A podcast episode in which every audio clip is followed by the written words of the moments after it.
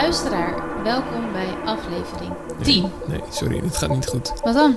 We zeggen niet welkom. We zeggen, we zeggen eh, dit is aflevering 10. Hallo lieve luisteraar, je luistert naar Oh, aflevering 10 van Praten over Depressie. Ja. Doe ik het altijd? Jij doet het altijd. Nou, dat is fijn. Ja. Hallo lieve luisteraar, je luistert naar aflevering 10 van Praten over Depressie. In deze aflevering gaan we een begin maken met het beantwoorden van eh, de vragen die jullie hebben ingestuurd. En eh, we hebben superveel vragen gehad, daar zijn we heel blij mee. Eh Anneleen en ik zijn begonnen met een vooronderzoek Ja. eh, om alle vragen te kunnen beantwoorden. En toen kwamen wij er al wel snel achter, dit gaat niet in één aflevering. Nee, Dus ehm, we nemen even de tijd voor jullie vragen. en we hebben ze een beetje er- gecategoriseerd. Ja, dus, Vragen die wij bij elkaar vonden passen ja. eh, bij één één aflevering. Eh, dus voor deze aflevering gaan we er in ieder geval vier Ja. behandelen. Ja. Heb jij daar nog iets aan toe te voegen? Of zullen we beginnen met de eerste vraag? Nee, ik dacht misschien is het nog goed om te zeggen dat, dat de antwoorden gebaseerd zijn op deels onze eigen ervaringen, maar dat er ook wel uit de interviews die we al hebben eh, gehouden putten. En dat we ook nog wel eens zelf weer gaan zijn, gaan, zijn gaan zoeken op het internet of we misschien nog eh, dingen over het hoofd zien of niet. En eh, ja, wij zijn geen professionals. Nee. Dus Nee. echt, echt hulp nodig hebt, dan moet je daar eh, niet ons voor inschakelen. Oké, gooi hem er Nou, maar in, eh ja, Maarten. ik, ga- ik zoek hem eh, er even bij. Hallo, ik ben Diederik en ik woon in Amsterdam. Ehm, ik heb eigenlijk een vraag die gaat over een beetje over de actualiteit. Want eh, ja, we leven nu in maart 2020 en er is eh, een enorme crisis aan de gang. Mensen zitten thuis, eh, voelen zich misschien eenzaam eh, of zijn verdrietig, somber. Ehm, en mijn vraag is eigenlijk: wat kunnen we nou in deze tijd leren van mensen die een depressie hebben gehad? Want je, je, ik denk eigenlijk dat mensen met een depressie heel veel angst hebben gehad, of somberte hebben ervaren, of eenzaam zijn geweest. En die zijn daar ook weer uitgekomen. Dus wat is, wat is nou, ehm, ja, wat kunnen wij daar nou van leren? Hele leuke vraag. Heel leuk. Ja. Ehm, nou, ik dacht wat ik allereerst graag mee zou willen geven is dat slechte dagen er gewoon tussen zitten. Als het niet lukt, want ik- kan nu allemaal dingen zeggen die volgens mij ook wel echt wel veel in eh, social media en in kranten en zo worden gezegd. Zoals structuur en bewegen en naar buiten en gezond eten, al die dingen. Ehm, maar de, sommige dagen lukt het gewoon niet omdat het gewoon zo anders is en eh, je soms de energie niet hebt. En die, dat, het is denk ik goed of handig om dat wel proberen te accepteren. Dat soms een dag eh, eh, alleen thuis zitten en Netflixen. Betekent niet dat je nu vervolgens drie weken thuis zit te nex- Netflixen. Alleen één dag lukt het even niet. Of je Ja. bent heel labiel, of je moet er heel hard van huilen, of je bent er bang van, of je bent er boos over. Dat, dat soort dingen, die zitten er gewoon tussen. Dat betekent niet dat je de hele tijd zo blijft voelen. Ja, dat is ook, ook dus een beetje verwachtingsmanagement voor jezelf. Ja. Want ehm, je moet, doordat je in een nieuwe situatie bent, je, moet je je routines aan gaan passen. Ja. En dat doe je gewoon niet van de een op de andere dag. Je bent gewoon thuis niet met de, na een week even productief als dat je altijd op Nee. je werk was. Want je hebt zoveel variabelen. Ja, en misschien ben je wel helemaal niet productief. Moet je bedenken, nou, ik kan twee uur maximaal nuttige dingen doen, want ik heb mijn kinderen thuis bijvoorbeeld. Of het lukt niet met thuiswerken. Sommige dikke- dingen lukken misschien ook gewoon wel niet Ja, op deze manier. ja. ja, voor mij zou dus eigenlijk een van de lessen van mensen met een depressie ook zijn... bedenk je dat het gewoon heel veel tijd kost om, weer een beetje, om het weer een beetje op de rit te krijgen. Om het weer een beetje te laten lopen. ja. Ja, en ik denk, maar ik denk wel dat het echt die, die daarmee bezig zijn, dus wel zo'n routine proberen of zo'n structuur proberen te maken. Eh, dat merk ik nu voor mezelf ook weer. Dat is wel echt, ehm, vind ik wel echt belangrijk en helpt mij er wel een beetje doorheen. Ja. Om gewoon wel eh, ja, op tijd op te staan. Ja, Vaste dingen in je dag te hebben. Te weten wat je die dag wilt doen. eh, wanneer ga je weer naar buiten? Wanneer ben je weer binnen? Wat ga je eten? Allemaal dat soort... Gewoon Ja. hou, het, hou het per dag gewoon klein met wat je wil. Maar zorg wel dat je dat elke dag een beetje hetzelfde doet of zo. Ja, ja routines. Ja. Ja. gewoontes weer Ja, krijgen. ja, Die passen binnen je huidige situatie. ja. En zorg daarin dan ook weer dat je ook leuke dingen doet. En dat je niet de hele dag probeert te werken of probeert te studeren of probeert nuttige dingen te doen. Of alle. Mensen zeggen allemaal: Oh, je kunt echt eh, al je hobby's wat je altijd al wilde. Ja. Misschien heb je die wel niet of lukt het allemaal niet. Ja, Ja, ik voel ook echt een enorme druk om alles te doen Om die wat altijd eh, ja, om Ja. wat altijd is blijven liggen. Ja. Ik ja, ik heb nu tijd, schijnbaar. ja, ja. Dus ja. Ja, Ja, en eh, wat ik zelf... eh, isoleer jezelf niet. Wat ik zelf een leuk grapje vind, omdat het natuurlijk in zelfisolatie of thuisisolatie zit. Maar probeer wel contact te houden met meer mensen dan alleen je eigen gezin of met wie je thuis bent. Dus eh, FaceTime lekker of videobel of... ehm, want iedereen zit namelijk hierin. Mhm. Eh, voor iedereen is het heel vreemd. En eh, dus je kunt daar gemakkelijk even met iemand over kletsen. Ik denk dat wel dat dat goed is om te doen. ja, zeker. Ja, en ook, dat is natuurlijk als je gewoon alleen zit. Aan de andere kant denk ik dat er heel veel mensen nu thuis zitten en zich Ja. opeens tot hun huisgenoten of misschien zelfs tot hun eigen partner opeens opnieuw moeten Ja. verhouden. Dat je denkt, ja, eh, ik ben al jaren getrouwd met je en nu opeens denk ik, huh, doe je zo. Ja, Ik kan me heel goed of, voorstellen. ja, en ook wel wat ik ook wel hoor van gezinnen om mij heen. De mensen zeggen, ja, ik zou heel graag even alleen willen zijn. Maar die zijn nu gewoon nooit meer alleen. Omdat en de kinderen en de man en de vrouw... Gewoon iedereen is de hele tijd thuis. ja. Eh, maar daar heb ik geen tip voor, want dat weet ik niet hoe dat werkt. Heb jij daar een tip voor? Eh, nou, allereerst dat er gewoon, ik, ik zeg op alles, dat is de makkelijk, makkelijke antwoord, maar dat het gewoon tijd kost. Dus uitzoeken is heel Ja. ingewikkeld. Ik kan niet zeggen zo en zo en dan werkt het wel. Ehm, ik, ik maak wel af en toe een wandeling in mijn eentje. Gewoon dan ben ik toch even alleen wandelen mag. En dat is wel gewoon een goede bezigheid om een beetje te reflecteren. En Mm. ik gebruik die tijd ook echt om te bedenken... wat wil ik eigenlijk? Wat wil ik? Zeg maar, Ja. Wat bevalt me niet aan deze situatie? Maar dat, nou, als je het dan hebt over wat ik heb geleerd van depressie... gaat heel erg over regie nemen. Weer controle krijgen en merken... als je iets anders wil, als iets je niet bevalt... dan kun je daar iets aan doen. Ja, En dat geldt nu, nu natuurlijk ook voor iedereen die allemaal in een andere situatie zit. Als er dingen zijn die je niet bevallen, dan kun je daar iets aan doen. ja, Of binnen de eh, Ja. regels. Maar je bent Ja. niet, niet zo machteloos als dat nee, want, en dat vind ik ook. Want dat, dat en, en daar, is, daar valt dus over te praten. Dat, Ja. dat als het gaat over dingen die we geleerd hebben, dat dus ook over depressie te praten is met mensen. Daar gaan we later nog wel weer meer dingen over zeggen. Maar dat is ook over thuissituaties als het niet gemakkelijk is. Je moet het allemaal gaan communiceren. Ja, Overleggen, compromissen sluiten. Maar er dus in ieder geval voor uitkomen van dit voelt niet chill. Of ik heb dit nodig. Kan jij me dit geven of niet? ja, dat denk ik ook. Ja, ik denk Ja. dat we gewoon bij de volgende vraag uitkomen. nu. Ja. Zullen we gaan luisteren? Ja. Ik zoek hem erbij. Hoi, voor mij een vraag voor de podcast. Ik ben benieuwd hoe wij als omstaanders of familie van iemand met een depressie signalen kunnen ontvangen. Wanneer moet je iets vragen of juist niet? Moet je doorvragen? Of kunnen ze daar zelf mee komen op den duur? Ik hoor graag het antwoord in een van je podcasts. Dankjewel voor je vraag. Eh, ik heb het antwoord niet. Nee, niet? Sorry. nee, ik heb wel een antwoord. Nou, begin daar maar eens mee dan. Ja, nou, er vallen me gewoon een aantal dingen op ook aan de vraag.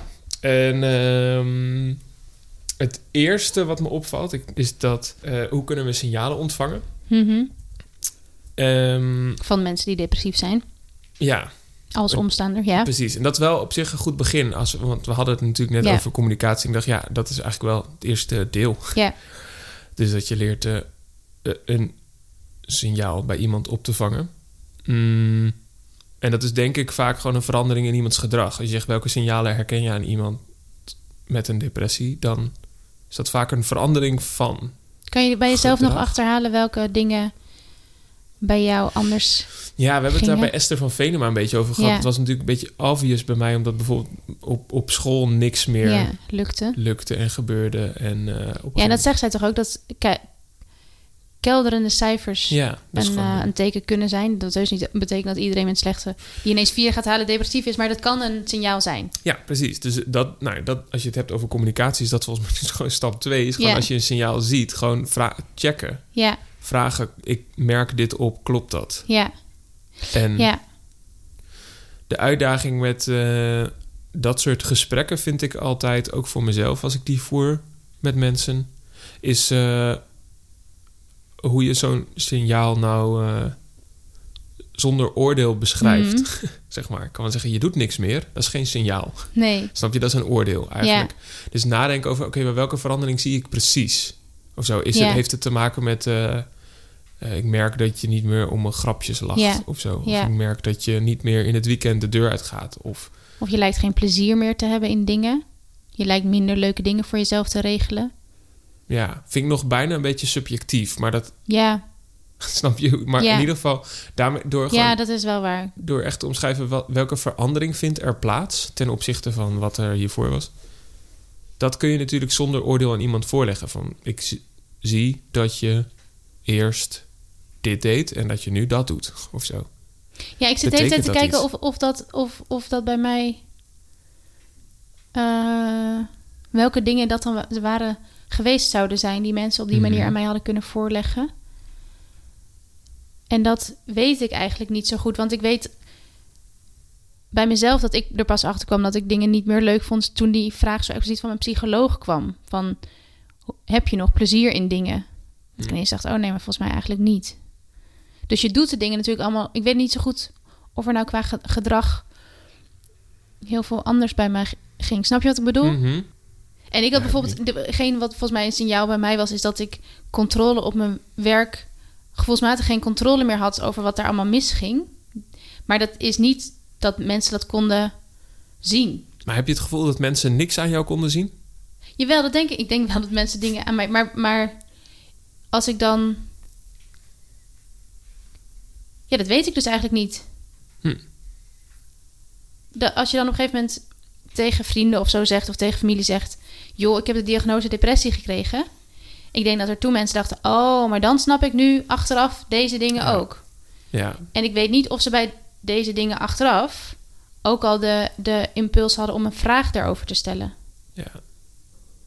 Snap je wat ik bedoel? ja, ik snap wat je bedoelt. Ik zit, ik zit het in mijn hoofd nu terug te koppelen aan de vraag. En dan denk ik, Dus de signalen, dan weet ik dus niet zo goed of de signalen op te vangen waren. ja.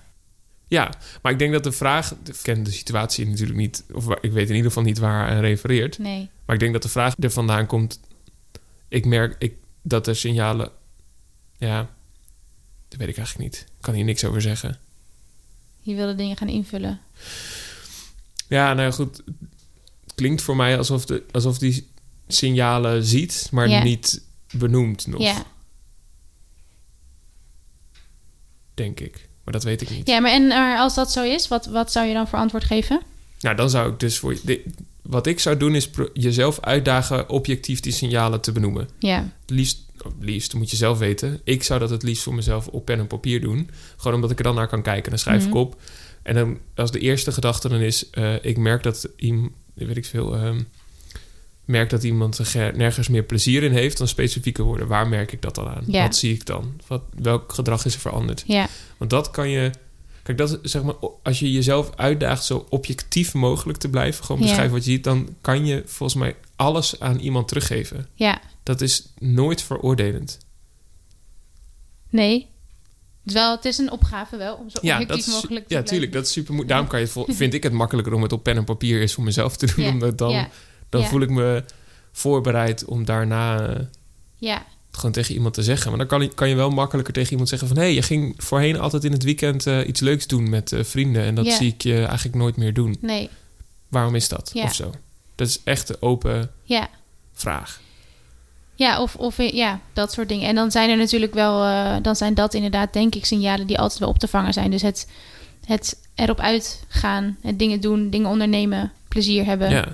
Eh, verschillende mensen zien, dat soort dingen. Ja. Zijn wel signalen waar je dan naar kunt vragen, zo objectief mogelijk. ja, en dan is het tweede deel van... van moet ik doorvragen of niet? Ja.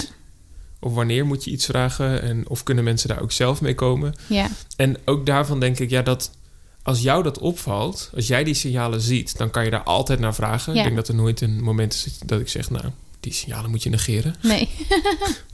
Als iemand, ja, ik zit ook al Je ziet- ik zit allemaal voorbeelden Ja, te bedenken.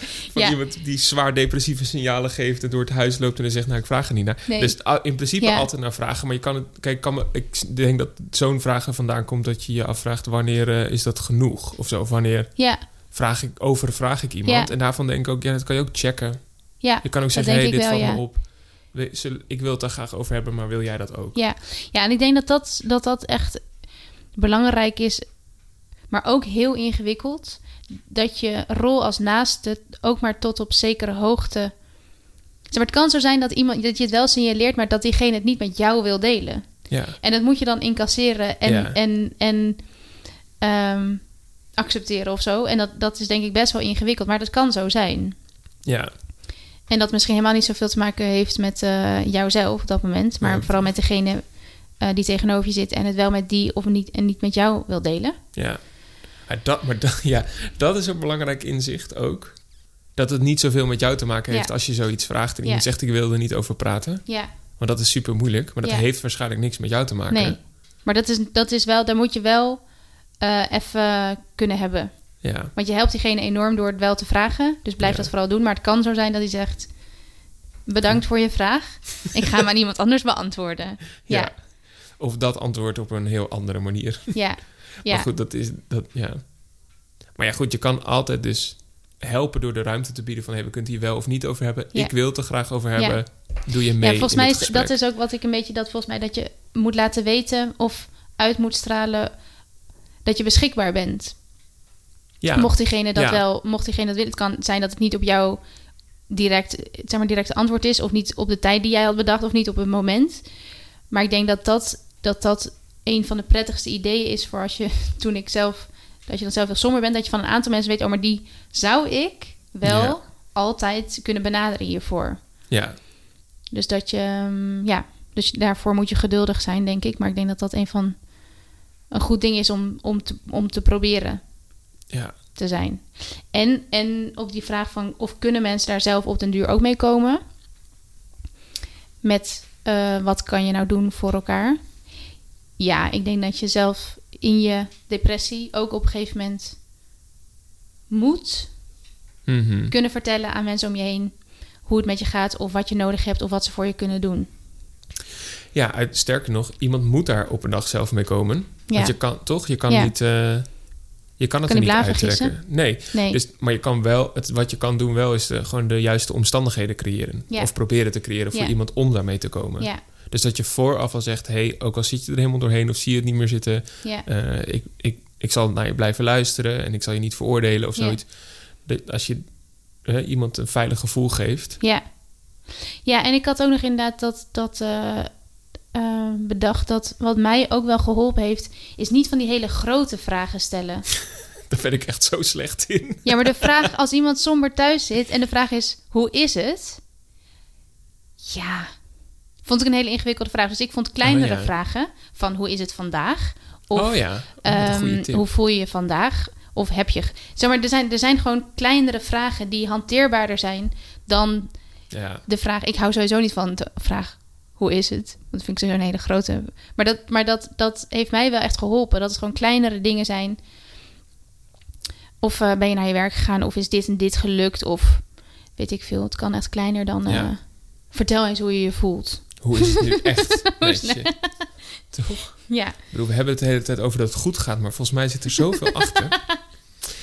Ja, nee, dan kun je, nee, dat, je kan, maar dan verwacht je ook bijna een episch antwoord Ja. van iemand. ja. Kun je even al, heel je gevoelsleven, eh, Nu aan mij vertellen. ja, precies. Ja. Twee minuten, de wereldrijd doorstijl. Oké, eh, zullen we naar de volgende vraag gaan of denk je dat er nog iets... Nee, volgens mij, ik, de dingen die ik had bedacht Ja, hierop, die heb ik nu ook eh, gezegd. ja, Jij? Ja. Super. ik ook. Gaan we naar eh, de volgende vraag van eh, 29 jaar. Oh ja. Hey, ik ben eh, 29 jaar en ik vroeg me af of depressie is aangeboren of dat het door omstandigheden in je leven kan komen waardoor eh, depressie ontstaat. Ik mag? Ja, Oh, dit is, ja, ehm, dit is echt jouw dit is echt mijn- expertise. Ja, hè? De vraag of depressie is aangeboren.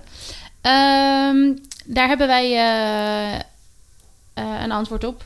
Meerdere mensen, meerdere, we hebben meerdere mensen gesproken in de vorige afleveringen.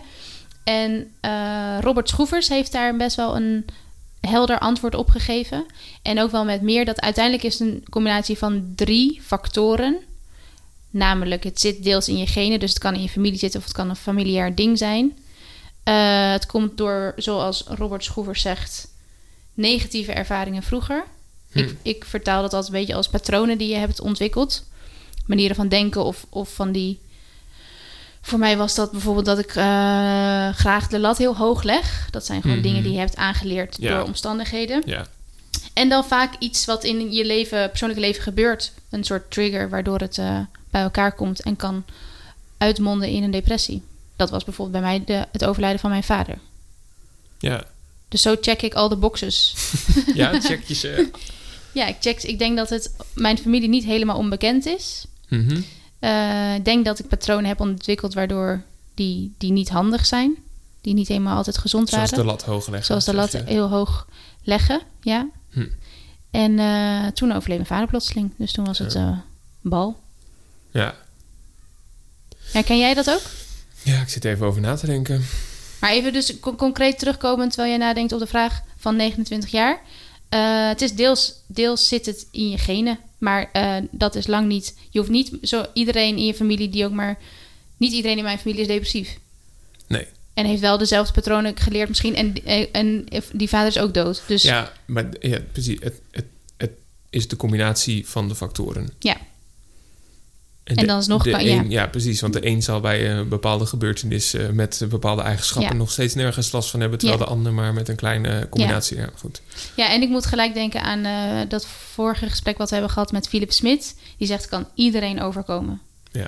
Dus dan kan je eigenlijk wel weer ont- ontkrachten dat het aangeboren is. Dan heeft dus eigenlijk de omstandigheden hebben denk ik meer invloed dan ja. je genen. Denk, weten Denk wij ik, niet. weten we niet zeker. Moeten we wel nazoeken. ja. ja. Nou, ik zit, wel een leuke vraag, vond ik. Wat je zegt van welke... Hoe, ik heb dat niet eens voor mezelf bedacht. Of je al de boxes checkt. Check ik al de boxes? Nou, genetisch weet ik niet. Ik heb niet het idee dat in mijn familie nou veel eh, voorkomt. Nee. In ieder geval niet zware somberte. Maar wat er wel veel in mijn familie voorkomt... is gewoon slecht over emoties praten. Oh ja. Maar dat is dan, Dat dan, is dan zit je al je persoonlijke ja. eigenschappen... Ja. eh, ge- Ja. ja, dat andere gebied. Ja. Dus dat helpt niet mee. Ik ben van... eh, nou, ik weet niet of dat van nature is, want dat zou suggereren dat het genetisch is. Maar ik, een van mijn eigenschappen is ook dat ik heel, heel sterke twijfelaar ben. Oh ja. En dat is een eigenschap waar ik heel blij mee ben, omdat ik, het, is, het is mijn werk geworden. En ik vind het leuk om over dingen te twijfelen heel lang. Alleen twijfelen en piekeren, Ja. ja, dat ligt natuurlijk ook wel weer best wel dicht bij elkaar. Dus, ja, daar zit piekeren is wel- echt een onhandige... Ik ben ook een piekeraar, ja. dus dat is wel bijvoorbeeld een, een risico voor me, denk ik. Ja. Ik, heb laatst ehm, een interview geluisterd met Hans Aarsman, die fotodetective. Ja, En die zegt dus, ehm, die, die was vroeger ook een tobber, zoals hij zelf zegt. ja. En die heeft zichzelf dus aangeleerd om bij alles te bedenken, er zit hier ook iets, eh, je kunt het ook heel anders bekijken, Hm. geloof ik. Of je kunt het ook positief bekijken. Dus dan denkt hij net zo lang over iets na. Dus hij geeft toe aan dat tobben, Mhm. tot er iets positiefs is aan een situatie. En dat Hmm. helpt hem dus heel erg met eh, negativiteit in zijn leven. Wat goed. Vond ik grappig, eh, Ja. grappige leerles. Ik eh, ben een boek aan het lezen van Barbara Ehrenreich. Een boek dat ik echt trouwens ook iedereen aan wil raden. Living with a Wild God heet het. Ja, Het is een soort eh, eh, ehm, atheist guide for the truth of everything, geloof ik. Dat ja. is heel tof. Maar zij beschrijft ook ergens dat zij in haar jeugd heel, heel sterke piekeraar was. En toen heeft zij zichzelf uitgedaagd. Of allereerst, zij kwam erachter dat als je piekert, dat je nooit eh, in volledige zinnen denkt. Dus Oh, zij ja. zichzelf gewoon, ze heeft zichzelf gedwongen om volledige zinnen met een hoofdletter tot een punt te denken. Oh, echt? Dus zij zegt, als ik, als ik Oh, pieker, ja. maak ik een zin af in mijn hoofd, waardoor het van piekeren denken wordt. Want zij Ja. zegt, denken eh, is opeenvolgend. Dan Ja. heb je één gedachte en daarna de volgende en daarna een volgende. Maar piekeren En dan- flarden. Ja, precies. Ja, Dat gaat nergens heen. Dus Nee. zij zegt, denk alsof je het schrijft. Dat was haar. wauw. Ja, super tof. Ik denk dat dat voor heel veel mensen totaal niet werkt. Nee. Maar als in, het lijkt me heel moeilijk. Nee, maar het is wel een grappig gra- of een interessante eh, manier om, om het ook weer Ja. eens te bekijken. Ja, dat vond ik ook. Echt tof. Schrijven kan wel echt, echt helpen hoor. Ja, mijn moeder zegt mij. altijd, ga dan dingen opschrijven. Ja, En ik, ik vind dat dat nou... vind, zo irritant. vind je mijn moeder... Zeg je nu dat je mijn moeder... Nee. Ik voel een beetje rivaliteit met jouw moeder. ja, dat Dat vorige, vorige aflevering had, had zij ook al zo'n goed advies. Nee, maar dat vind ik dus... Dat, en eh, eh, de- mijn zus doet het bijvoorbeeld ook en dat helpt. schijnt haar heel erg te helpen. Maar ik vind het altijd zo ook weer dan het toegeven aan dingen. Omdat het dan zo op papier staat. Ja, dan heb je het gevoel dat je het groter maakt. Ja. zie- ik leer jou kennen. Ja, dat vind ik zo irritant. maar oh, jij zal wel weer het gevoel hebben dat je het groter maakt. maar je snapt het Eh, wel. Ja, ik snap het wel. Want opschrijven is zo... Niemand Ervoor heeft zin om zijn gedachten op te schrijven. Omdat je er dan naar kijkt en denkt... Oh, dit komt dus... Het is, Ja. het is super confronterend. Ja, Het is gewoon... ja. Ja. Dit, dit denk ik. Dus- En het is zo irritant, je gaat, want dan is het van je af. Zeg maar, dan heb je het opgeschreven en is het weg. Dan kun je er van een afstand naar kijken. En dan, maar dan ga je denken, oh, dit ben ik dus. Ja. Ik denk dus deze dingen. Ga je dat veroordelen? Moet je dat weer opschrijven? Moet je dat opschrijven? Dus natuurlijk is dat een gedoe, maar het werkt wel. Ja, Als in mij eh, helpt het ook altijd enorm. Maar het duurt even voordat ik in de fase ben dat ik het kan Mhm. doen. ja. Ja. Wat, wat ons dus weer terugbrengt op dat je niet in elke fase altijd alle antwoorden hebt of Nee. eraan toe bent om dingen te bespreken. Nee, het antwoord heb je nooit. Nee. Ik heb wel een antwoord. Heb je ook een antwoord op de volgende vraag, Maarten? Ja, ik ga hem aanzetten. Ik pak hem er even bij. Doe dat. Hey, eh, mijn naam is Rick en mijn vraag gaat eh, meer over de naaste van iemand met depressie. Ehm, uit eigen ervaring heb ik een aantal mensen in mijn omgeving die eh, te maken hebben met een depressie op dit moment of hebben gehad. Ehm, en ik vind het altijd lastig hoe daarmee om te gaan. Eh, want ergens, ja, het- is een geestesziekte. Ehm, maar toch vind ik me vaak in een soort situatie waarin ik gewoon niet weet wat ik kan doen of moet doen, of hoe je moet handelen en hoe je juist iemand dan ruimte moet geven. Ehm, en dan raak ik soms ook geïrriteerd op zo iemand, terwijl ja, die kan er ook niet zoveel aan doen. Ja, mijn vraag gaat dus gewoon vooral over ehm, wat kan je als naaste doen ehm, met iemand, voor iemand eh, in een depressie. Sowieso een vraag die wij vaak krijgen. Ja, het lijkt ook op de, op een beetje Ja. op de vraag van Dirk die Ja. we net hebben behandeld. Maar het is wel een vraag die wij. eh, die ook wel logisch is, want, want eh, je wil natuurlijk graag iets doen voor iemand Ja. met een depressie. En dat Ja. is niet altijd makkelijk. Maar ehm, Ja, er viel mij iets op aan de vraag. Want we, we- Eh, Rick zegt ergens: ehm, het is een geestesziekte. Waar, en, hè, en, maar ik weet vaak niet wat ik eh, dan kan doen. Ja. En eh, even verderop zegt hij dan, geloof ik. ehm, terwijl zo iemand er ook niet zoveel aan kan doen. ja.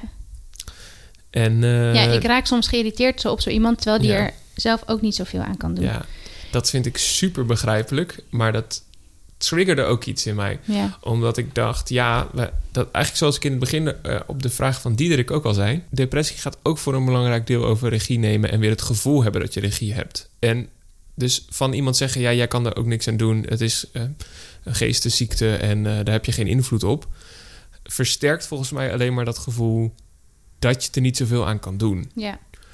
Eh, want je kan er wel wat aan doen. Er is Ja. superveel mogelijk, alleen diegene weet even niet meer wat hij kan doen. ja. Dat is denk ik wel een belangrijk verschil. En het kan even duren voordat degene eraan toe is Ja. om er iets aan te gaan doen. Ja. ja, dat is ook nog eens een belangrijke nuance. En wat het gevaar volgens mij is... Kijk, heel veel mensen vertalen zo'n opmerking als... je kan er iets aan doen, vertalen ze als... oh, dus het is mijn schuld dat Ja. ik hier zit. Ja. Maar dat Ja. gaat over het verleden... en het is niet jouw schuld dat jij die depressie hebt. Nee, maar dat hoort natuurlijk wel bij een depressie hebben. Precies. Namelijk, het ligt allemaal aan mezelf. Precies. Jij kan het wel, ik kan het niet. Ja. En dit kan ik ook al niet. Als mensen zeggen, je kunt er iets aan doen. Tenminste, bij mij heeft het echt best wel lang geduurd voordat ik dit durfde horen. Ja, Want heel vaak of heel lang dacht ik... Of, of ik dacht, maar jij, jij weet helemaal niet waar je het over hebt. Of ik dacht, oh, dan faal ik daar dus ook in. Het is allemaal mijn eigen schuld. ja. Ja, dus, wat, dus eigenlijk... Wat kan je doen voor iemand met een depressie... gaat dan over... ehm, proberen eh, iemand te helpen dat inzicht weer terug te vinden... dat je wat kan doen. Ja, En dat het niet jouw schuld is. ja, Dat is echt alle twee waar. ja. ja, dat denk ik, ja. En, en dat, ja, ik denk dat dat een goede is. En, en hoe moet je dat dan doen? hoe maak Ja. je, hoe maak je die, iemand dat dan duidelijk? Dus allereerst denk ik dat het, dat, wat ik belangrijk vind om te zeggen, dat ik, want Rick zegt ergens, hij raakt soms zelf ook geïrriteerd. Mhm. Ik hoop dat hij daar dat niet vervelend vindt van zichzelf. Ja, Of dat hij daar ook geen oordeel over heeft. Want ik denk ook dat het. Ik heb het wel eens vergeleken met een dood paard. Zeg maar, als je, je bent wel gewoon een beetje aan een dood paard aan het trekken. Gezegd. Ja, nee, ik, niet dat ik af en toe aan een dood paard denk, maar dat je daar met- met die, zeg maar, je mag wel, je bent gewoon aan een dood paard aan het trekken. Ja, maar dat vind ik niet. Als in, ik vind niet dat je met, als je met iemand met een depressie praat aan een dood paard trekt. Als in, dat staat niet stil. Het- de stapjes zijn misschien heel klein. Of je ziet ze Ja. niet. Ja, maar ik kan me ook wel voorstellen dat je er moedeloos van kan worden. Ja, dat kan ik totaal begrijpen, inderdaad.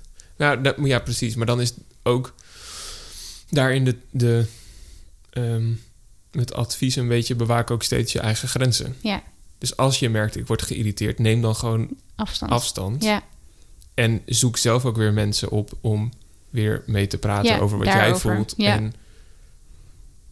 nou, want het gaat gewoon niet snel uit een depressie komen. nee. Dus eh, zorg dat je voor al die dingen goed de tijd neemt. Ja, en daar zit dus inderdaad er zit dus gewoon een enorme uitzoeken. Ook met diegene met wie je, waar je het over hebt, of met degene eh, met wie je erover praat. Uitzoeken van, van wanneer heeft diegene met depressie nou wat nodig en wat kan jij bieden. Daar kan je natuurlijk best wel ook concreet maken met degene met de depressie. Mhm. Ja. Ja. En ook weer zo klein mogelijk houden eigenlijk. Klein en concreet. Ja. Opschrijven. Concreet maken. Lijstjes. Lijstjes, heel veel lijstjes. Lijstjes. Ja, en ik heb, ik heb daarbij bij bedacht dat je heel, dus inderdaad, maar dat hebben we volgens mij al gezegd, dat je heel geduldig moet zijn ehm, met iemand met een depressie. Ja. Ja, wat een hele moeilijke opdracht is. Ja. Maar ehm, ja. Eh, Irriteer jij je nog wel eens aan mensen die een depressie hebben? Ehm, Nee. Ja. Ehm, ja, ja. Ik moet even over nadenken, want ik weet niet precies hoe dit werkt, maar volgens mij heeft zo'n irritatie er ook altijd mee te maken dan dat ik dat het me dus gewoon ook ergens mee confronteert. Ja. Mm. Ik zit even na te denken of ik een goed voorbeeld weet. Ja. Want zo'n irritatie, zeg maar, zegt niet, zegt niet iets over diegene met een depressie. Die zegt iets over mij, denk ik. Ehm, Ja.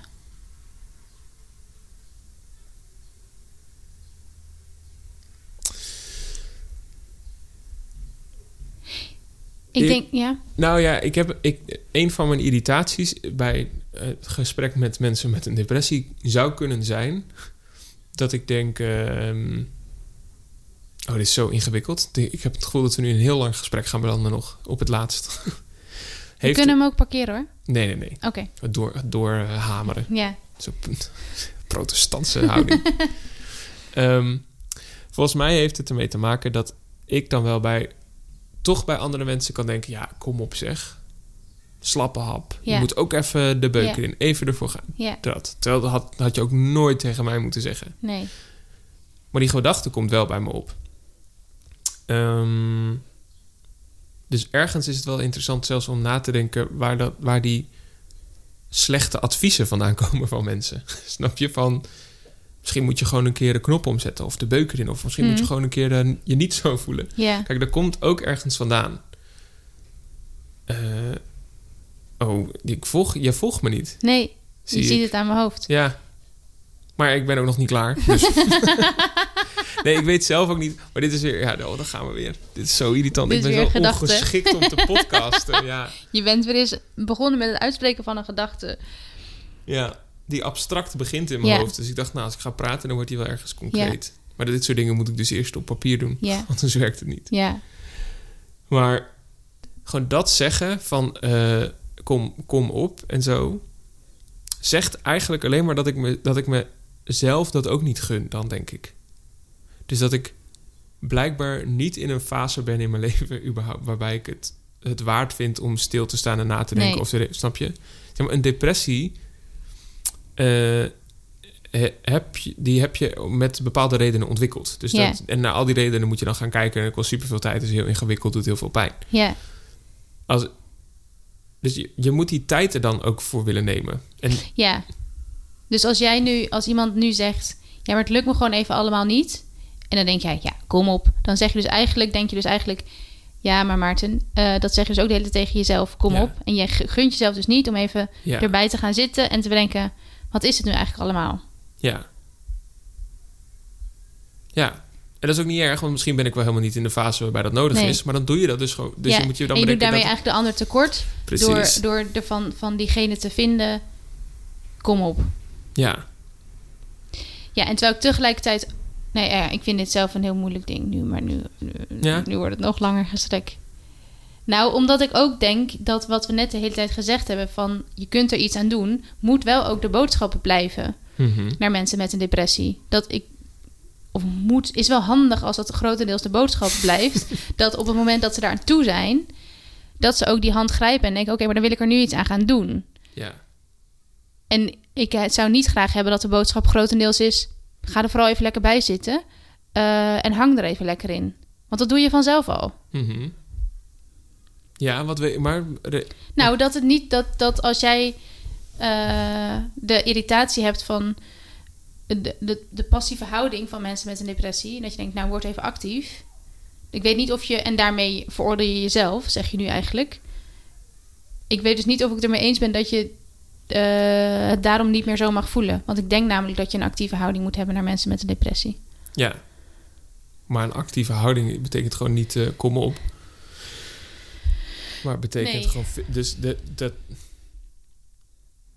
eh, als je iemand wil helpen, moet je dus de, mede de tijd nemen om al die hele kleine stapjes Ja. uit te zetten. Ja, en, uit te mee te waar. vertragen. Ja, Want iemand die, ja zeg maar, wel, als je het hebt over, als je het een beetje vergelijkt met tempo, dan staat iemand met een depressie ongeveer stil. En jij gaat misschien wel heel lekker en jij gaat dus heel hard.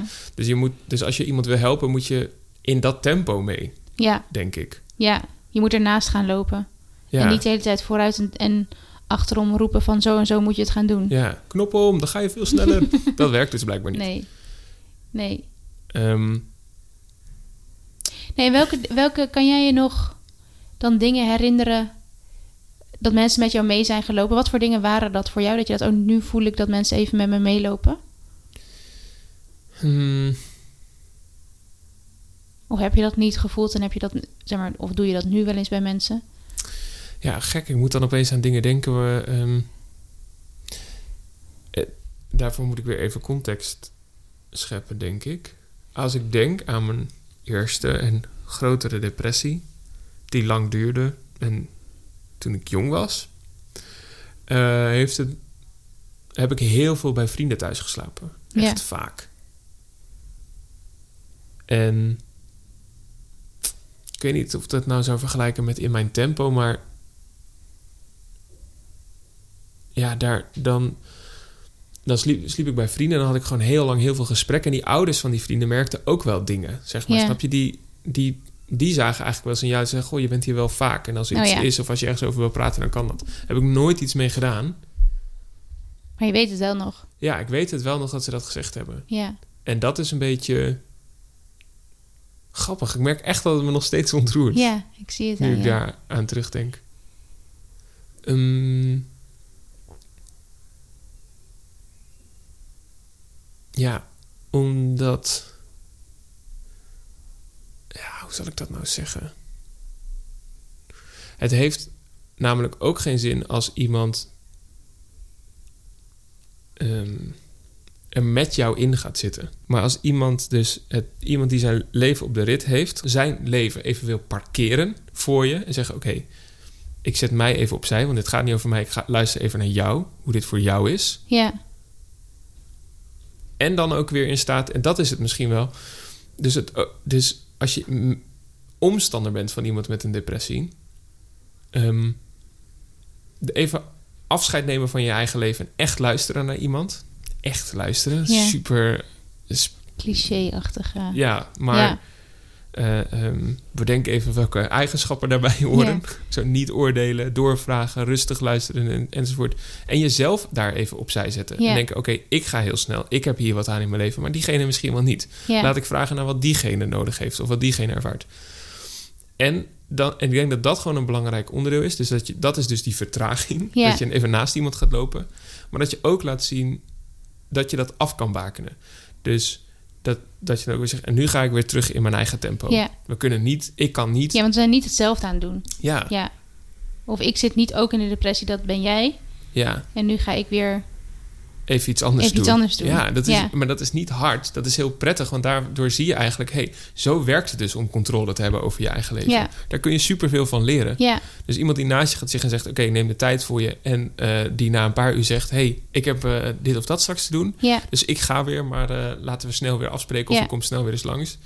Dan, Of zelfs daar alweer dingen over. Ik ga dit nu elke twee weken met je doen. Of elke soort van structuur in, je, in de structuur van iemand zetten. Ja, dan is er iemand in je buurt... die gewoon weer een beetje controle aanbrengt. Ja. En ook laat zien... je kan controle nemen of hebben Ja. over je leven. Ja. En dus inderdaad aanbiedt van in deze eh, context of in deze vorm mag je alle ruimte nemen die je nodig hebt. Ja. Ik heb het gevoel dat ik heel vaag en breed antwoord heb gegeven... maar toch wel ongeveer nu heb Ja. gezegd wat ik dacht dat ik wilde zeggen. Ja. Denk ik. Ja, en ik, nou ja, nu het toch wel een hele lange podcast wordt, ik moest daar ook aan denken, zeg maar, dat ik dus ook veel met, bij familie ben geweest. Alleen dan dus juist niet om heel lang te praten, maar gewoon om even mee te gaan met anderen. Dus dat was meer van, eh, kom, doe maar even met ons mee. Dan hoef je het even niks meer zelf te bedenken. Je hoeft even niks Mhm. meer zelf te doen. Er zijn die boodschappen, er is hier schoon, eh, schoon, schoon bed, er is hier een structuur. Doe maar even met ons mee. Mhm. En dat vond ik ook heel lekker, want dan was je even niet met je eigen gedachten de hele dag of je hoefde niks meer uit jezelf te halen. Maar je had toch goede dagen, omdat je gezond at, bewoog, eh, mensen sprak en dat soort dingen. Ja, Dus dat is iets wat, wat voor mij, waar mensen bij mij naast mij zijn gaan lopen. ja, Door even een hand uit te steken en zeggen: loop maar even met ons mee ja, in ons leventje, in onze structuur. ja. Dan hoef je het allemaal niet zelf te bedenken. Ja, dat is wel echt super fijn. Ja, Ja, dan heet je echt iemand even welkom. Ja. Ja, en vooral dat, dat vond ik, bedenk ik nu, vond ik heel fijn dat er dan niks hoefde. Dus die zei, zeg maar, dat, dat je gewoon, dat er erkend werd, jij kan helemaal niks. dus ik ga. Eh, nou, je hoeft er dan ook niet de schijn op te houden of zo. Je werd echt wel echt uitgenodigd als, oh, jij bent nu even het zusje met de depressie. Kom maar even bij ons. Bij ons hoef je niks. Ja. Je hoeft niet gezellig te doen. Je hoeft niet te lachen. Je hoeft niet het gesprek op gang te houden. Nee, je hoeft ook hoeft niks op te lossen. hoeven niks op te lossen. Je hoeft alleen maar even te zijn. Ja. Zodat je die, an- al die andere dingen niet zelf hoeft te doen. Ja. Dus dat heeft mij, misschien is dat nog voor omstanders handig. Dat dat, dat dat voor sommige mensen heel goed kan werken. ja. Dat is ook ontroerend, toch? Dat is toch echt... Ja, joh. ja, nee, dus ik vind dat, ik vind dat niet eigenlijk eh, niet normaal hoe, hoe eh, dankbaar ik ben voor mijn broers en zussen en mijn moeder. Ja. Hoe die dat hebben gedaan. Wauw. Tof. Ja. Die zijn echt gewoon met z'n allen een soort vangnet gaan vormen. Ja. Niet een soort van. Laat dat soort van maar weg.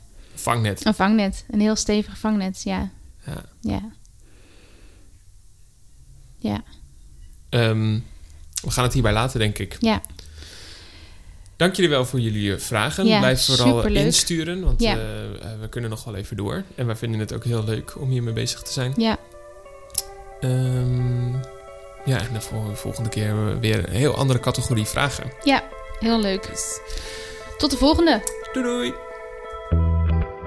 Heb jij een vraag over depressie en zou je willen dat Maarten en ik dit gaan onderzoeken? Mail naar info@pratenoverdepressie.nl of laat een bericht achter op onze Facebookpagina.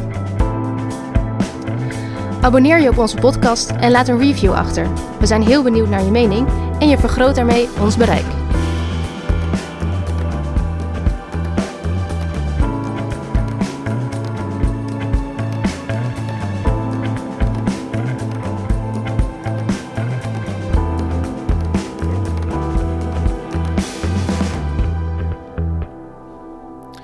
Denk jij aan zelfmoord of ben je bezorgd om iemand? Bel 0900 0113 of ga naar 113.nl.